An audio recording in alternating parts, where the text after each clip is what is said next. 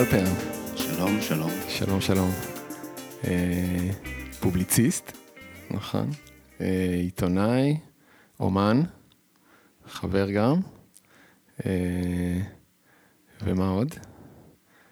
צמחוני, כן, אה, טבעוני. צמחוניסט, אה, אנרכיסט. אנרכיסט סלון, כמו שסבתא שלי אנרכיסט הייתה אומרת. יפה, ועוד נושאים שנדבר עליהם.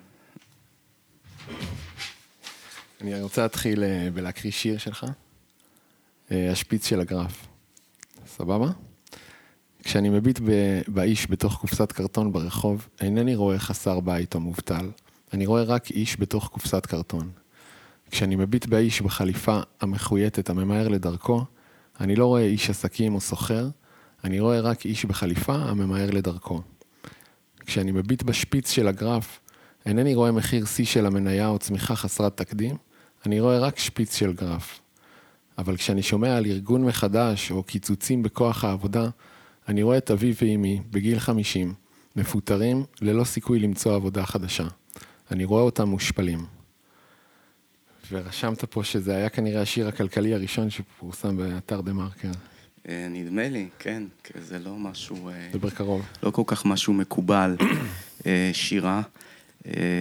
ניצלתי את הגמישות היחסית שיש באתר אינטרנט אה, כדי לפרסם בזמנו כמה שירים אה, כלכליים. אהה, אמ, ואני זוכר שבזמנו מישהו אמר לי, מה שירים אה, במדור כלכלה, מה השלב הבא, סקירות בורסה במדור ספרות. כן. ואני דווקא אהבתי את זה. חוצה ג'אנרים. כן. כי זה נראה לי נחמד, אבל... אה, אמ, כן, פשוט נראה לי שהשפה...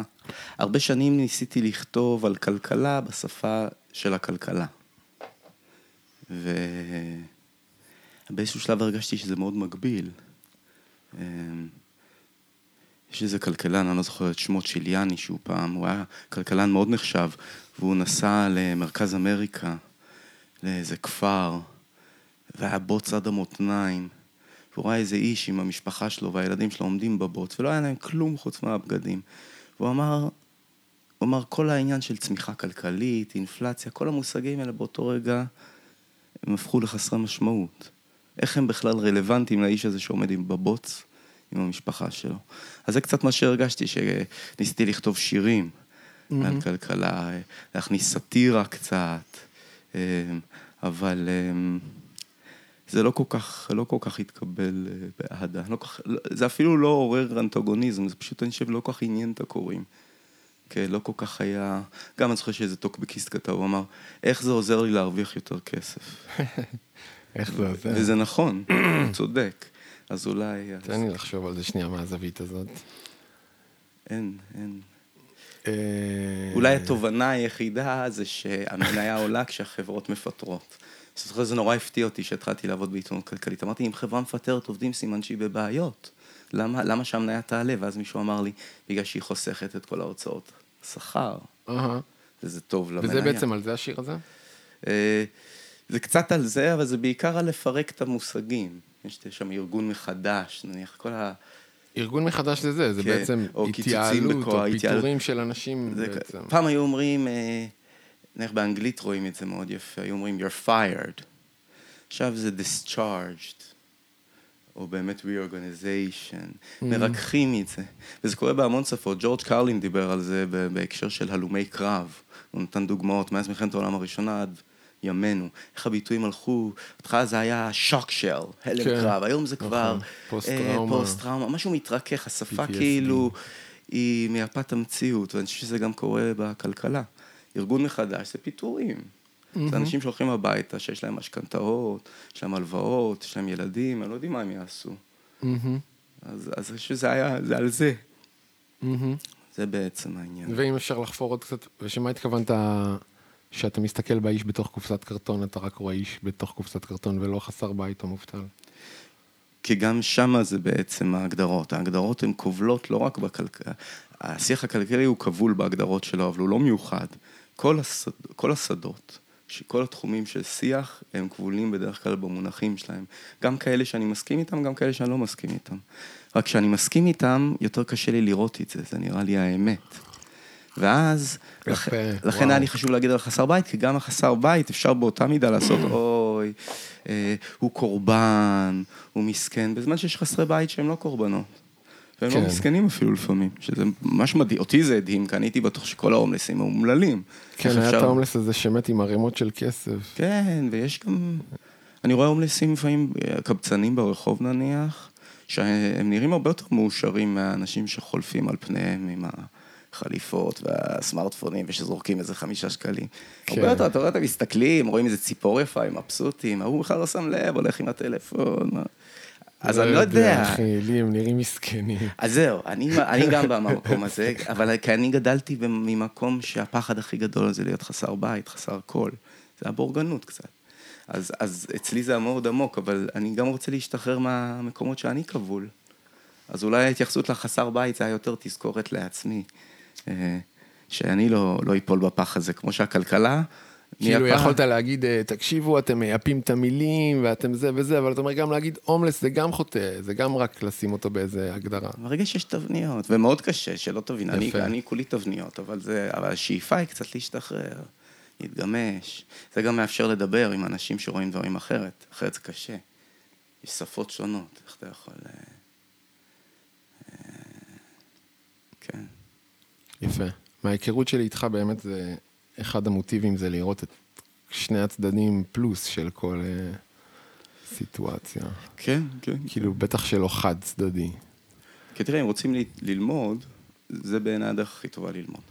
כי כאילו, אה, נדמה לי, מיל, ג'ון סטוארט מיל, נדמה לי, כתב איזה משפט כזה, שהוא אמר משהו בסגנון של, אם, אם אתה צודק, אז בשיחה עם מישהו שחושב אחרת, רק, רק תקבל עוד הוכחות, שכמה אתה צודק. כן. ואם אתה טועה, אז אולי תלמד משהו. אז כאילו אין לך בעצם, אין, אין באמת מה להפסיד, יש רק מה להרוויח מדו-שיח אבל זה נורא קשה. לא יודע, יש, יש רטוריקה מסוכנת, ואני חושב שגם נגיע לזה שבהמשך השיחה שלנו, שנדבר על יונובומבר, mm. אה, שלדעתי כן. זה קצת עובר את הגבולות שלי. כן, יש הרבה רטוריקה מסוכנת כן. היום, לגמרי. גם רטוריקה מסוכנת. גם מילים אה, הורגות. אז שמע, הכנתי, בעצם מה השיעורי בית שהכנתי? חמישה נושאים שככה בכלליות שהייתי רוצה לדבר איתך, אין לי שאלות ספציפיות, אה, והנושאים הם כלכלה, צמחונות, אומנות, הכל שקרים ואנרכיזם. בסדר? זה ככה מה שאני אומר. אז אה, בוא נתחיל עם כלכלה. כלכלה. תשמע, אני זוכר שפגשתי אותך בדה מרקר ביום הראשון פחות או יותר שעבדתי שם לפני המון שנים, ואמרת לי אה, שיותר משתלם לכלכלה שאתה תקנה לימון מאשר שתגדל לימון בבית. וזה היה מין, אה, נגיד, מבוא לתורת, התורה הכלכלית שלך, או לרעיונות שלך, אתה יכול קצת להסביר על זה? אה, לי זה פתח את המוח. כן, גם אני כשאני נחשפתי לזה, כמובן לא, לא הבנה, תובנה ראשונית שלי, זה דברים שקדמו לי, ומבקר, שנים כבר מבקרים את זה. וגם אני, אני חושב שפעם ראשונה שנחשפתי, זה היה, אני חושב, אה, בסרטון של Adbusters, שזה מגזין אמריקאי מאוד רדיקלי. Mm-hmm. והם עשו איזה סרטון שבאמת הם נתנו כל מיני דוגמאות כאלה. נניח הם אמרו שאתה כורת יער, אז זה טוב לכלכלה. למה? כי העץ הזה שכורתו, יעשו ממנו רהיטים, ואז ימכרו אותם. או יעשו מהם רצפות, או יבנו מהם בתים. יותר מזה, יכול להיות שהיער הזה שכרתו יוכלו לבנות שם מלון, שלפני זה לא יכלו, כי היה יער. אז, אז אה, כל הדברים האלה הם טובים לכלכלה, מישהו קונה רהיט, זה תורם לצמיחה, זה נרשם כחלק מהצמיחה הכלכלית. אם, היה, אם העץ ימשיך לעמוד שם, והציפורים ימשיכו לצייץ אליו, והילדים מהכפר יבואו ליד וישחקו בו, ואולי איזה זוג יעשה אהבה שם, ואיזה משורר יראה אותו ויכתוב עליו שיר, כל הדברים האלה הם לא משפיעים בשום צורה על הצמיחה הכלכלית. הם לא מגולמים בתוצר, אפשר היה. יש, יש אנשים שמפתחים מה שקוראים אה, תוצר ירוק, נוסחאות שמגלמות גם את זה, אז נניח אמ, יער שנכרת, הוא יוריד מהתמ"ג. כן. הוא גם יוסיף את הרהיטים, אבל הוא יוריד את התמ"ג והם ימצאו דרך לתמחר את זה, הם יגידו כמה אוויר נקי זה תרם, כמה שקט נפשי, איך זה תרם לבריאות, לחינוך, אה, למשפחות. כי נניח גירושין, אחלה, טוב מאוד לצמיחה הכלכלית. וואלה. עורכי דין של גירושין, שעות של שופטים, בתי משפט, המון זמן. אה, המון המון הכנסות זה מניב. תאונת דרכים, אדם שחולה בסרטן, טוב לכלכלה. כי בדרך כלל ההוצאות ביטוח בריאות והכיסוי של הטיפול הרפואי שלו, והשעות עבודה שכרוך בזה, יהיו הרבה יותר ממה שהוא היה מייצר בעבודה שלו. אז עדיף שהוא... כבר לחשוב על זה. עכשיו, זה הכל ככה, זה מגיע לאבסורדים. אתה יודע, בקיץ עדיף לך לשים סוודר ומזגן. אמ, זה יותר טוב מאשר להיות עם קצר ואולי מאוורר. אה, כי אתה תצרוך יותר חשמל, זה טוב לכלכלה. וגם אז בעצם מה שאתה אומר, הכלכלה. היא לא משרתת את האנשים? כאילו זה לא סוג של הכלכלה, זה סך כל הדברים שאנשים בעצם עושים. אז... זה סך כל הדברים שאנשים עושים שיש להם ערך כספי. ואנחנו אה, מתמחרים רק דברים מסוימים. אה, אז הבעיה זה בעצם שלא שמנו ערך ל- לאדמה הזאת שהיא לא, שהיא לא, אה, עוד לא כרתו אותה. תראה, אפשר לבקר את זה מהרבה זוויות, אפשר מבפנים ומבחוץ, אבל מבפנים, מתוך השיח הכלכלי, התפיסה תהיה שאוקיי, אנחנו רוצים למצוא איזו נוסחה שתשקף כמה החברה שלנו משגשגת, הכלכלה משגשגת. לא מספיק להכניס רק את הדברים שעולים כסף. אמ, כמה הילדים שמחים, זה גם מרכיב. ויש דרכים למדוד את זה. וכמה אה, אה, ערכי קהילה, כמה אנשים יש להם פנאי לעזור אחד לשני, בהתנדבות. זה גם, אפשר, אפשר לתמחר את הדברים האלה, יער, אפשר לתמחר. זה הגישה מתוך הכלכלה. כן. בעיניי קצת, כל הגישה הבסיסית הזאת של אה, שלטון הסחורות או ההון, שהכל מגולם, כל דבר אתה מתרגם למחיר, זה בעיניי אה, מאוד רעיל בפני עצמו.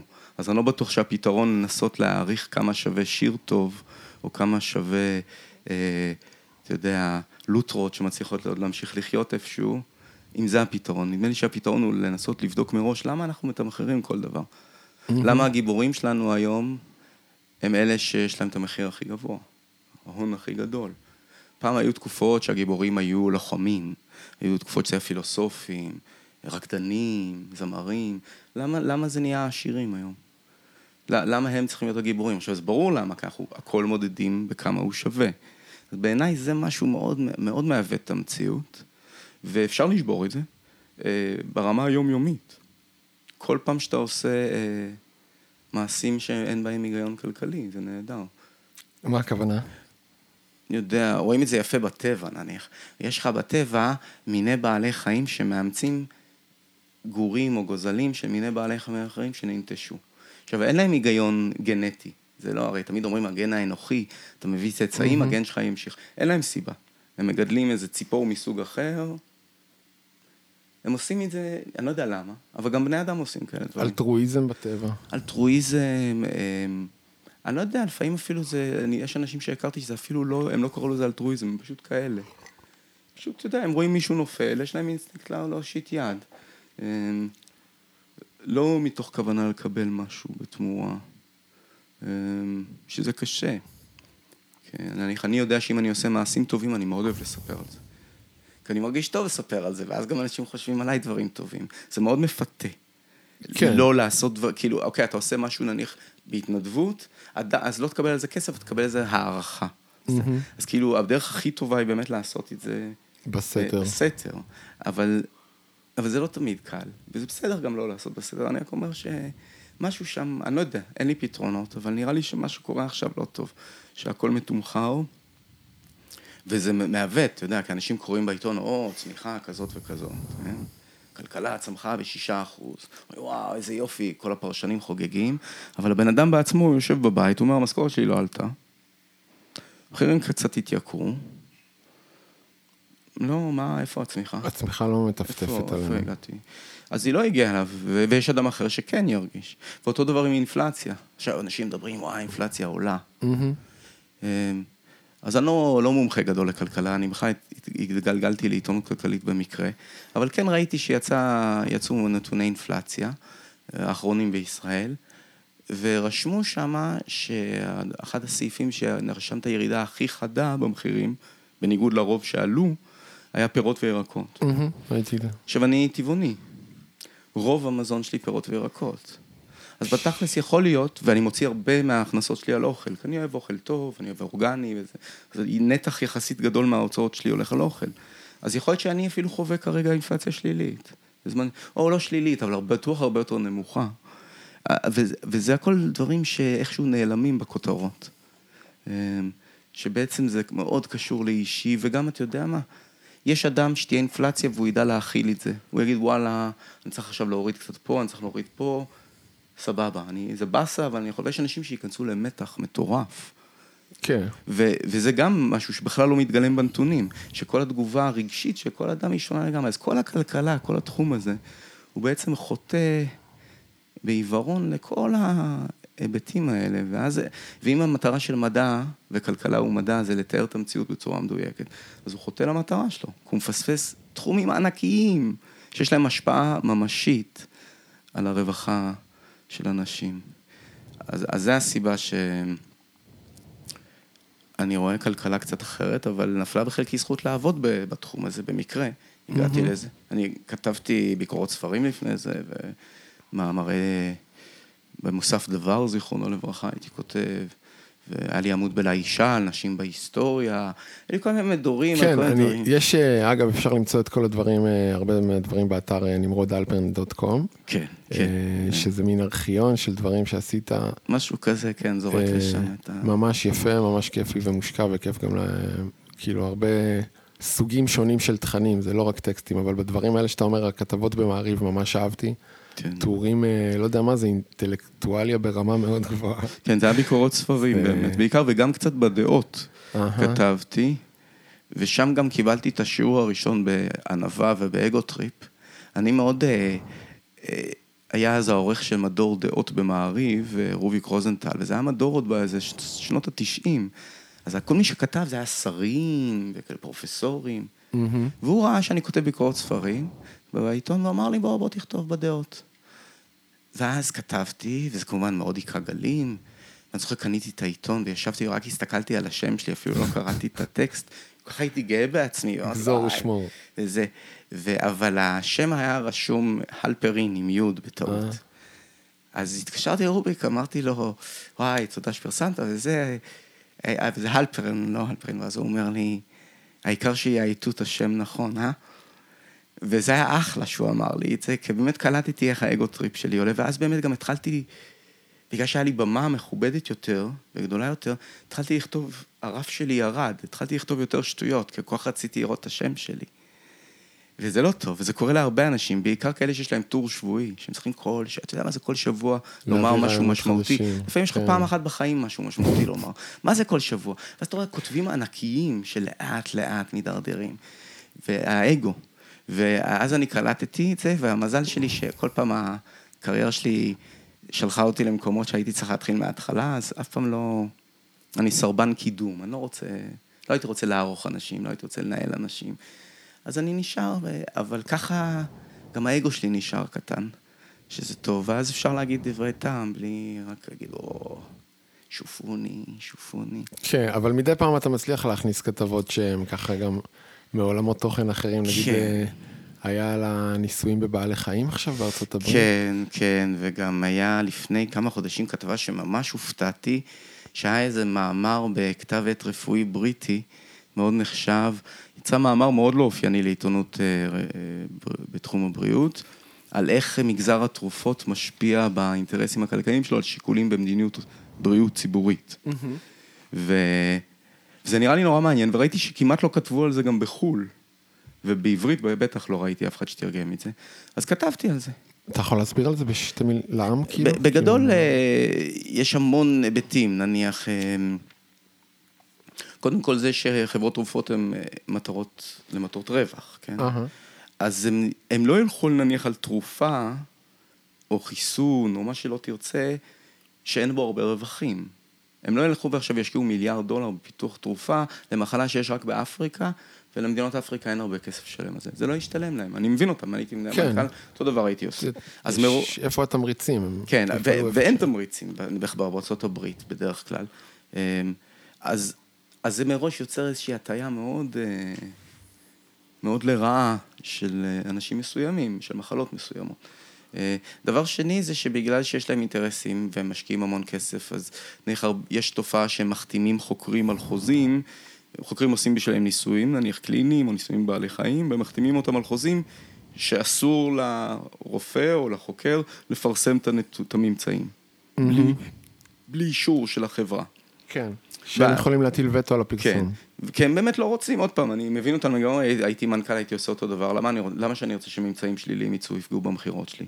אני לא אפרסם אותם, אני אפיק לקחים, את הטובים אני אפרסם. אבל מה קורה? לפעמים זה ממצאים שהם מעלימים. יש סכנות, נניח היה בזמנו אה, תרופה ויוקס, נדמה לי קראו לה, של מרק, לפני איזה 20 שנה, 15 שנה.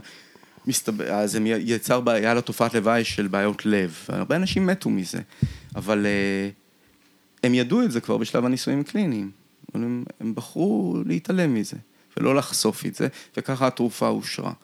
ו, והיו מקרים נניח שחוקרים שעשו את זה החליטו בכל זאת לפרסם, ואז תבעו אותם, חברות תרופות.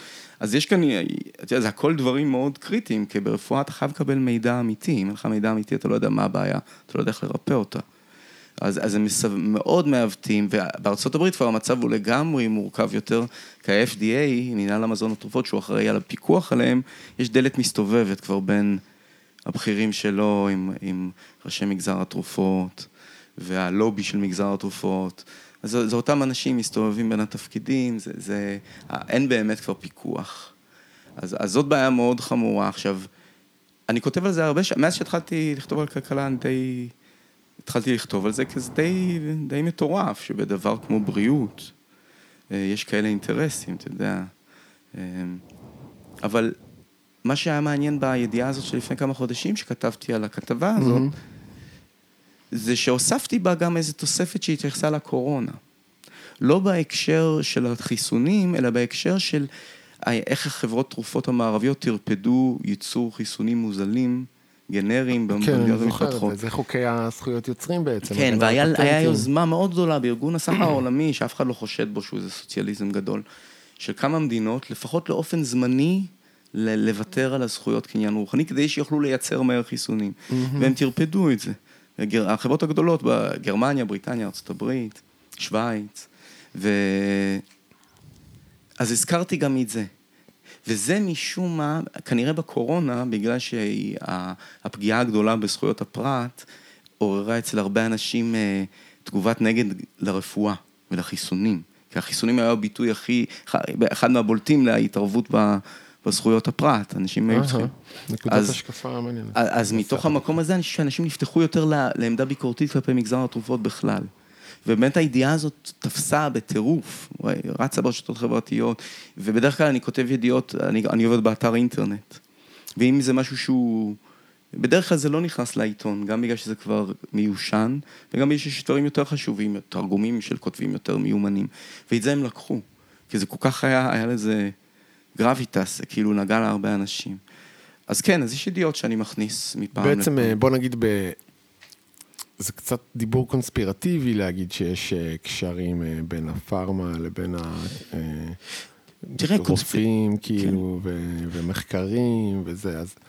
לי, לי אין כאילו בעיה עם... אז זה הדברים שאתה אומר, זה הדברים שהם חשופים, כאילו, שאפשר להסתכל עליהם מבחוץ וגם לראות אותם. כן, פשוט. גם לי אין, אין, אין, אין לי בעיה, אני זוכר שאחרי שנרצח רבין, שבוע אחרי רצח רבין, פרופסור מיכאל הר סגור, ההיסטוריון, אה, זיכרונו לברכה, הוא פרסם בידיעות אחרונות נדמה לי, מאמר במדור דעות, שהוא אמר לא לפסול אפשרות של קונספירציה. די! הוא אמר, וואו, עכשיו הוא לא אמר, הוא אמר, הוא אמר אין לי פרטים. הוא אמר אין לי שום עובדות, הוא אומר, ואז הוא התחיל לתת דוגמאות, לואי הזה, זה, זה, האנשי ביטחון שלו קשרו, וזה נכון, כל מי שחי בעולם הזה יודע שיש קונספירציות, אפילו בגן ילדים, אז ההורים שנגד לצאת לטיול בשמש וההורים שבעד, כל הזמן יש קונספירציות, במקומות עבודה, במשפחות. וואי וואי. מה הבעיה שלי? הקושי שלי מתחיל עם תיאוריות קונספירציה. Mm. כי תיאוריות קונספירציה זה באמת, יש כאלה שמתממשות, אתה אחרי זה אומר, וואלה, זה קונספירציה באמת. אתה יודע, חכה, אבל בחוגי הקונספירציה לא אוהבים את המונח תיאוריות קונספירציה. כן. כי יש תיאוריות, יש אקסיומות, יש השערות, יש המון דברים בקונספירציות, זה לא הכל רק תיאוריות. כן, לא זה שהם- אמיתי. הגיתי תיאוריה, אם שני אנשים עשירים משתפים פעולה, הם יכולים לעשות משהו ביחד. זה התיאוריה, אחי, אין תיאוריה. תיאוריה זה שקשרו נכון. קשר, זה התיאוריה. כן. שרבין לא רצח את עצמו, אני יודע, שקנדי לא תראה, רצח אני את חושב עצמו. שזה קשור למש... לקושי, נניח זה כמו שכשהייתי ילד הלכתי פעם לדרבי בכדורגל בחיפה, והפועל באמת בדרך נס הבקיעו גול, ואז הקהל התחיל לצעוק, יש אלוהים, יש יש אלוהים." אלוהים.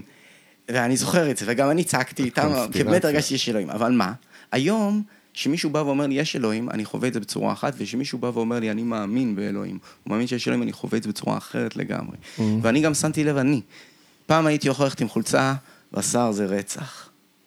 היום אני לא אלך עם חולצה כזאת. הייתי, אם הייתי הולך עם חולצה כזאת, הייתי אומר, בחוויה שלי בשר זה רצח.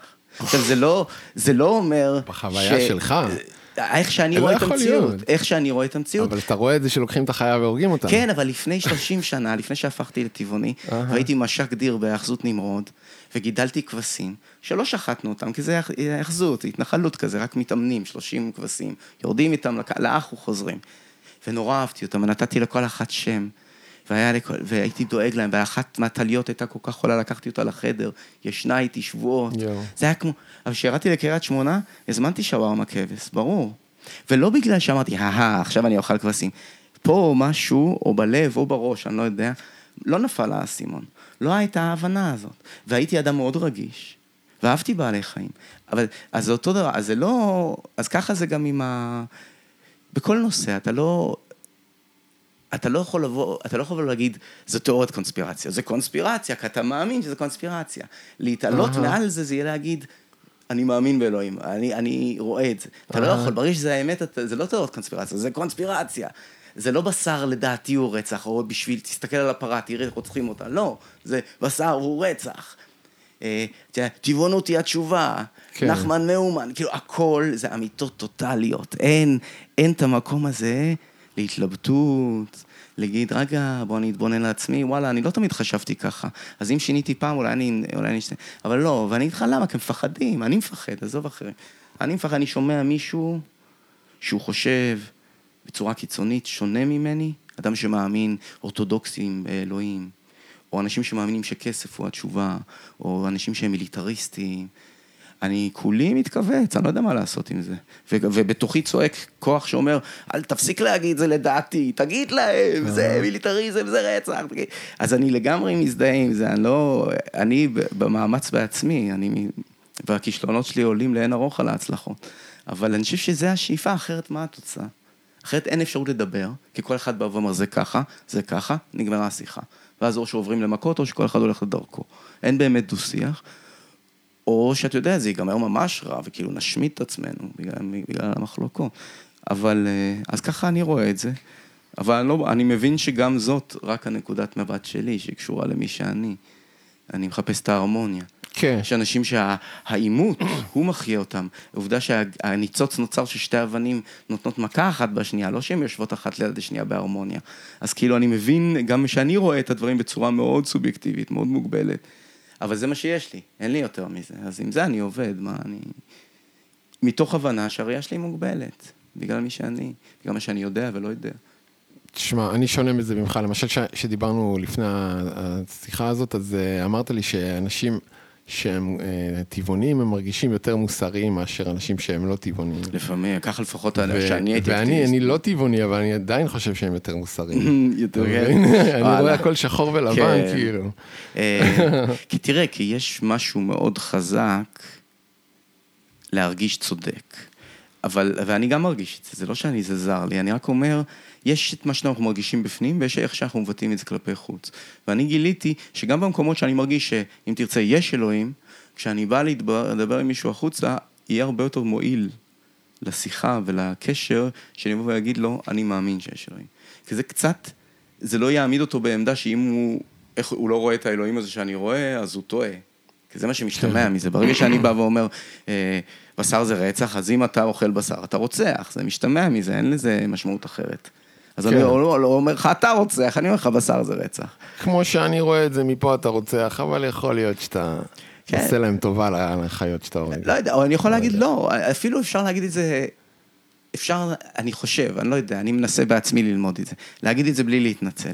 ואני לא יודע איך לעשות את זה, אבל נדמה לי שאפשר. נניח להגיד, לשאול במקום להגיד. נניח, תגיד, זה לא מזעזע אותך המחשבה שאתה, מה שאתה מכניס לגוף שלך, או מה שאתה לובש עליך, הוא כרוך בכל כך הרבה סבל? לשאול.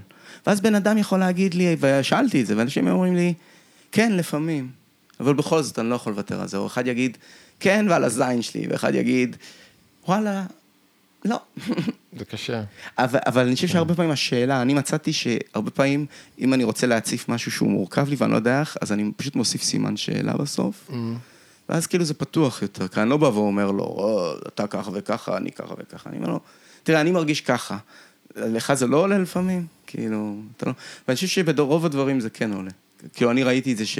שישבתי עם אנשים שהם כהניסטים נניח, והיו אומרים לי, תגיד, שאנחנו עוברי, אנחנו חיים פה, והצבא בא כל הזמן מטריד אותנו, וכשהצבא לא מטריד, אז הפלסטינים באים למעיין. זה לא נראה לך, לא קשה? אז ברור שזה נראה לי קשה. אבל אני לא הייתי עושה את זה במקומם, כי זה fucking לא שלהם. אבל הם מרגישים שזה שלהם, הם מאמינים שזה שלהם. אז אני יכול, כשהם שאלו את זה, היה לי אפשרות לחוש איזה אמפתיה. אפילו שאני לגמרי לא מסכים איתם. וזה, בעיניי, זה דבר מאוד חשוב, מאוד חסר היום. גם לי באופן אישי וגם בעולם, נראה לי. לא יזיק עוד קצת.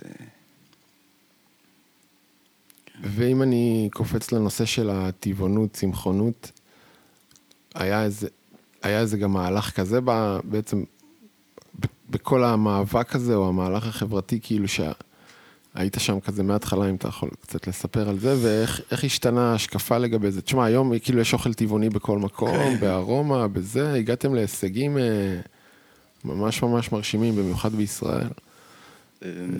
כן, תראה, הקושי שלי אולי, ממה שאמרת עכשיו, המילה שהכי קפצה לי זה היה, הגעתם.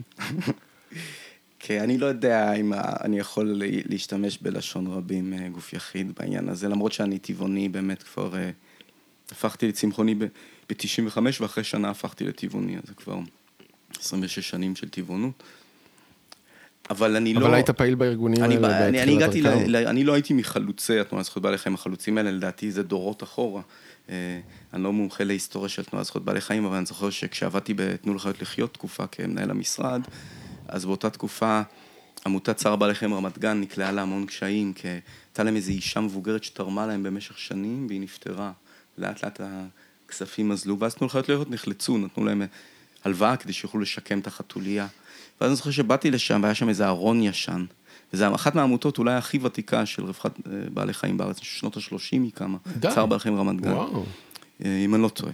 והסתכלנו שם בארון, והיו במי תמונות, צילומים שחור לבן, uh-huh. ישנים של היקית נדמה לי, המבוגרת, שהייתה תורמת, והחיות. Mm-hmm.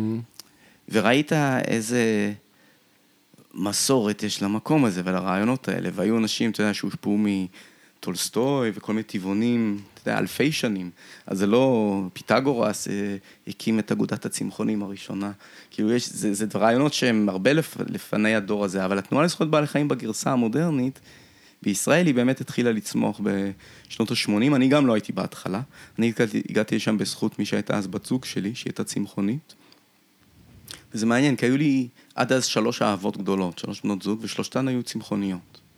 אבל השתיים הראשונות אף פעם לא אמרו לי על זה שום דבר.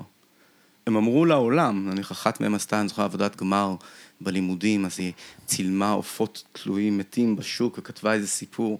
והסתכלתי על זה, זה לא, לא עשה לי שום, היא אף פעם לא אמרה לי איך אתה אוכל בשר. Mm. להפך, כשהיא נסעה לחו"ל והיא הייתה, הייתי בצבא והיא שאלה אותי מה להביא לך מארצות הברית, אמרתי לפני שאתה עולה למטוס תעלי לי ביג מק.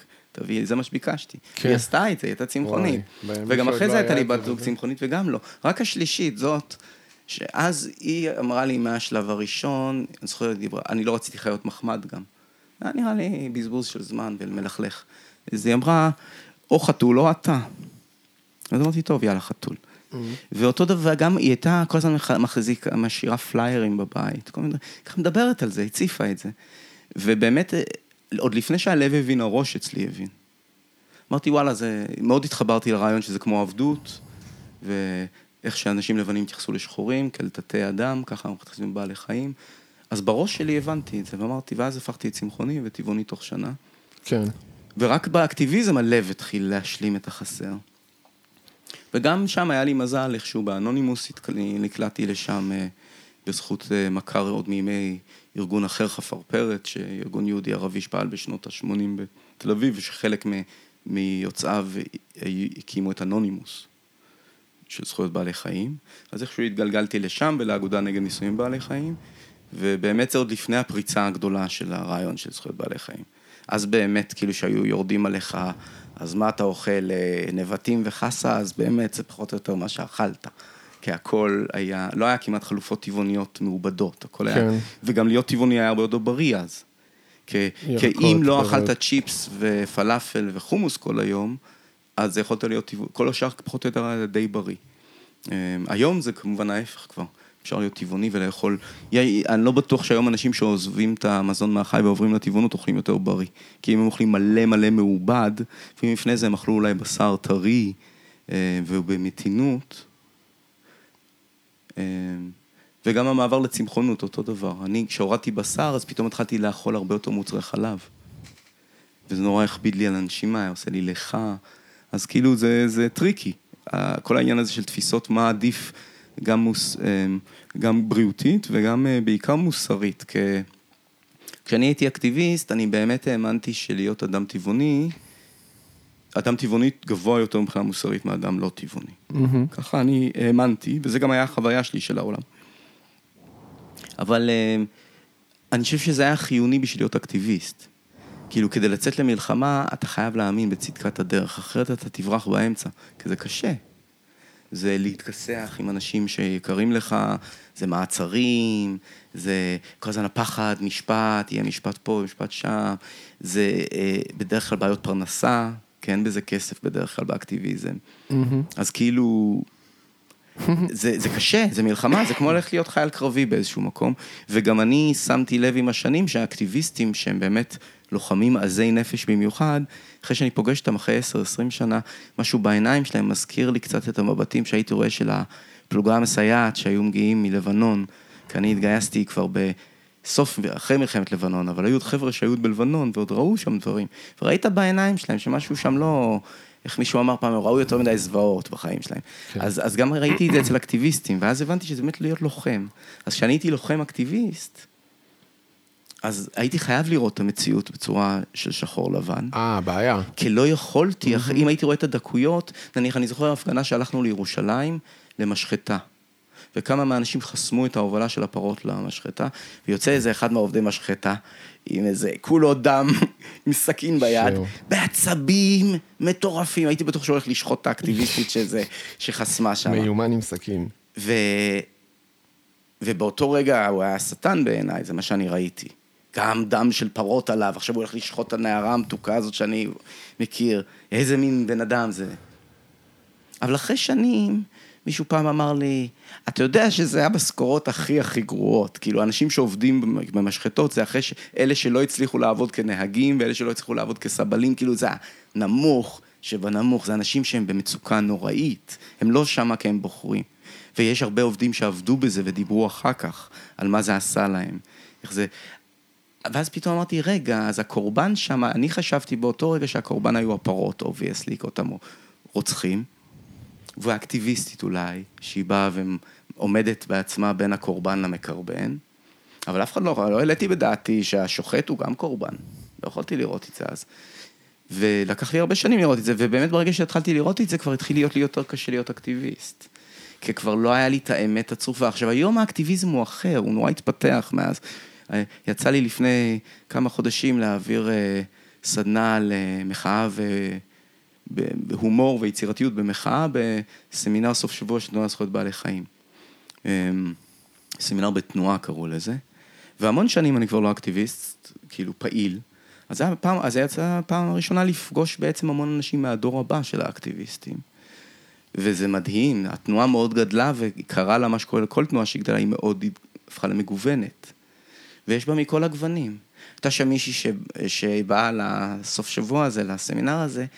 והיא באה כזה, היא הייתה נורא מגונדרת וככה מטופחת, וחמודה נורא. ואז בדרך, דיברתי איתה, ואז היא אומרת לי, אני באה בשביל האוכל. Mm-hmm. ואמרתי. בואנה, איזה גדולה, איזה מלכה. עכשיו, ברור כן. שהיא אקטיביסטית, והיא גם באה והיא הלכה לסדנאות לשמוע, אבל היא היית... זה משהו שפעם לא היה מקובל לומר, אנחנו פה בשביל הדגל, בשביל העקרונות, כאילו היה את הפתוס הזה של תנועה צעירה. וברגע שהיא גדלה, אה, וזה נורא קשה לקבל את זה. זה נהיה אה, כאילו הנג חברתי כזה. זה נהיה מאוד מגוון, יש היום, גם יש עוד אנרכיסטים רדיקליים טבעונים שחותרים לא רק תחת אה, הניצול בעלי חיים, אלא תחת הקפיטליזם, את משבר האקלים, זה קיים, זה גדל מאז, אבל במקביל לזה יש לך את הטבעונים הצרכנים, שהם לא פחות קפדנים, אבל הם רוצים לטעום כל גבינה חדשה וכל נקניק טבעוני חדש וזה, וכאילו, ויחגגו את זה, וילחצו על חברות, כמו ויגן פרנדלי נניח, שפועלים ללחוץ על מותגים אה, לשנות. זה, זה שתי זרמים שבתוך תנועה אחת זה מדהים שהם מתקיימים, כי הם בתכלס כמעט בשני צידי המתרס בנושאים מסוימים, כמו צרכנות. אחד מקדש, משתמש בצרכנות ככלי לשינוי העולם, חרם צרכנים.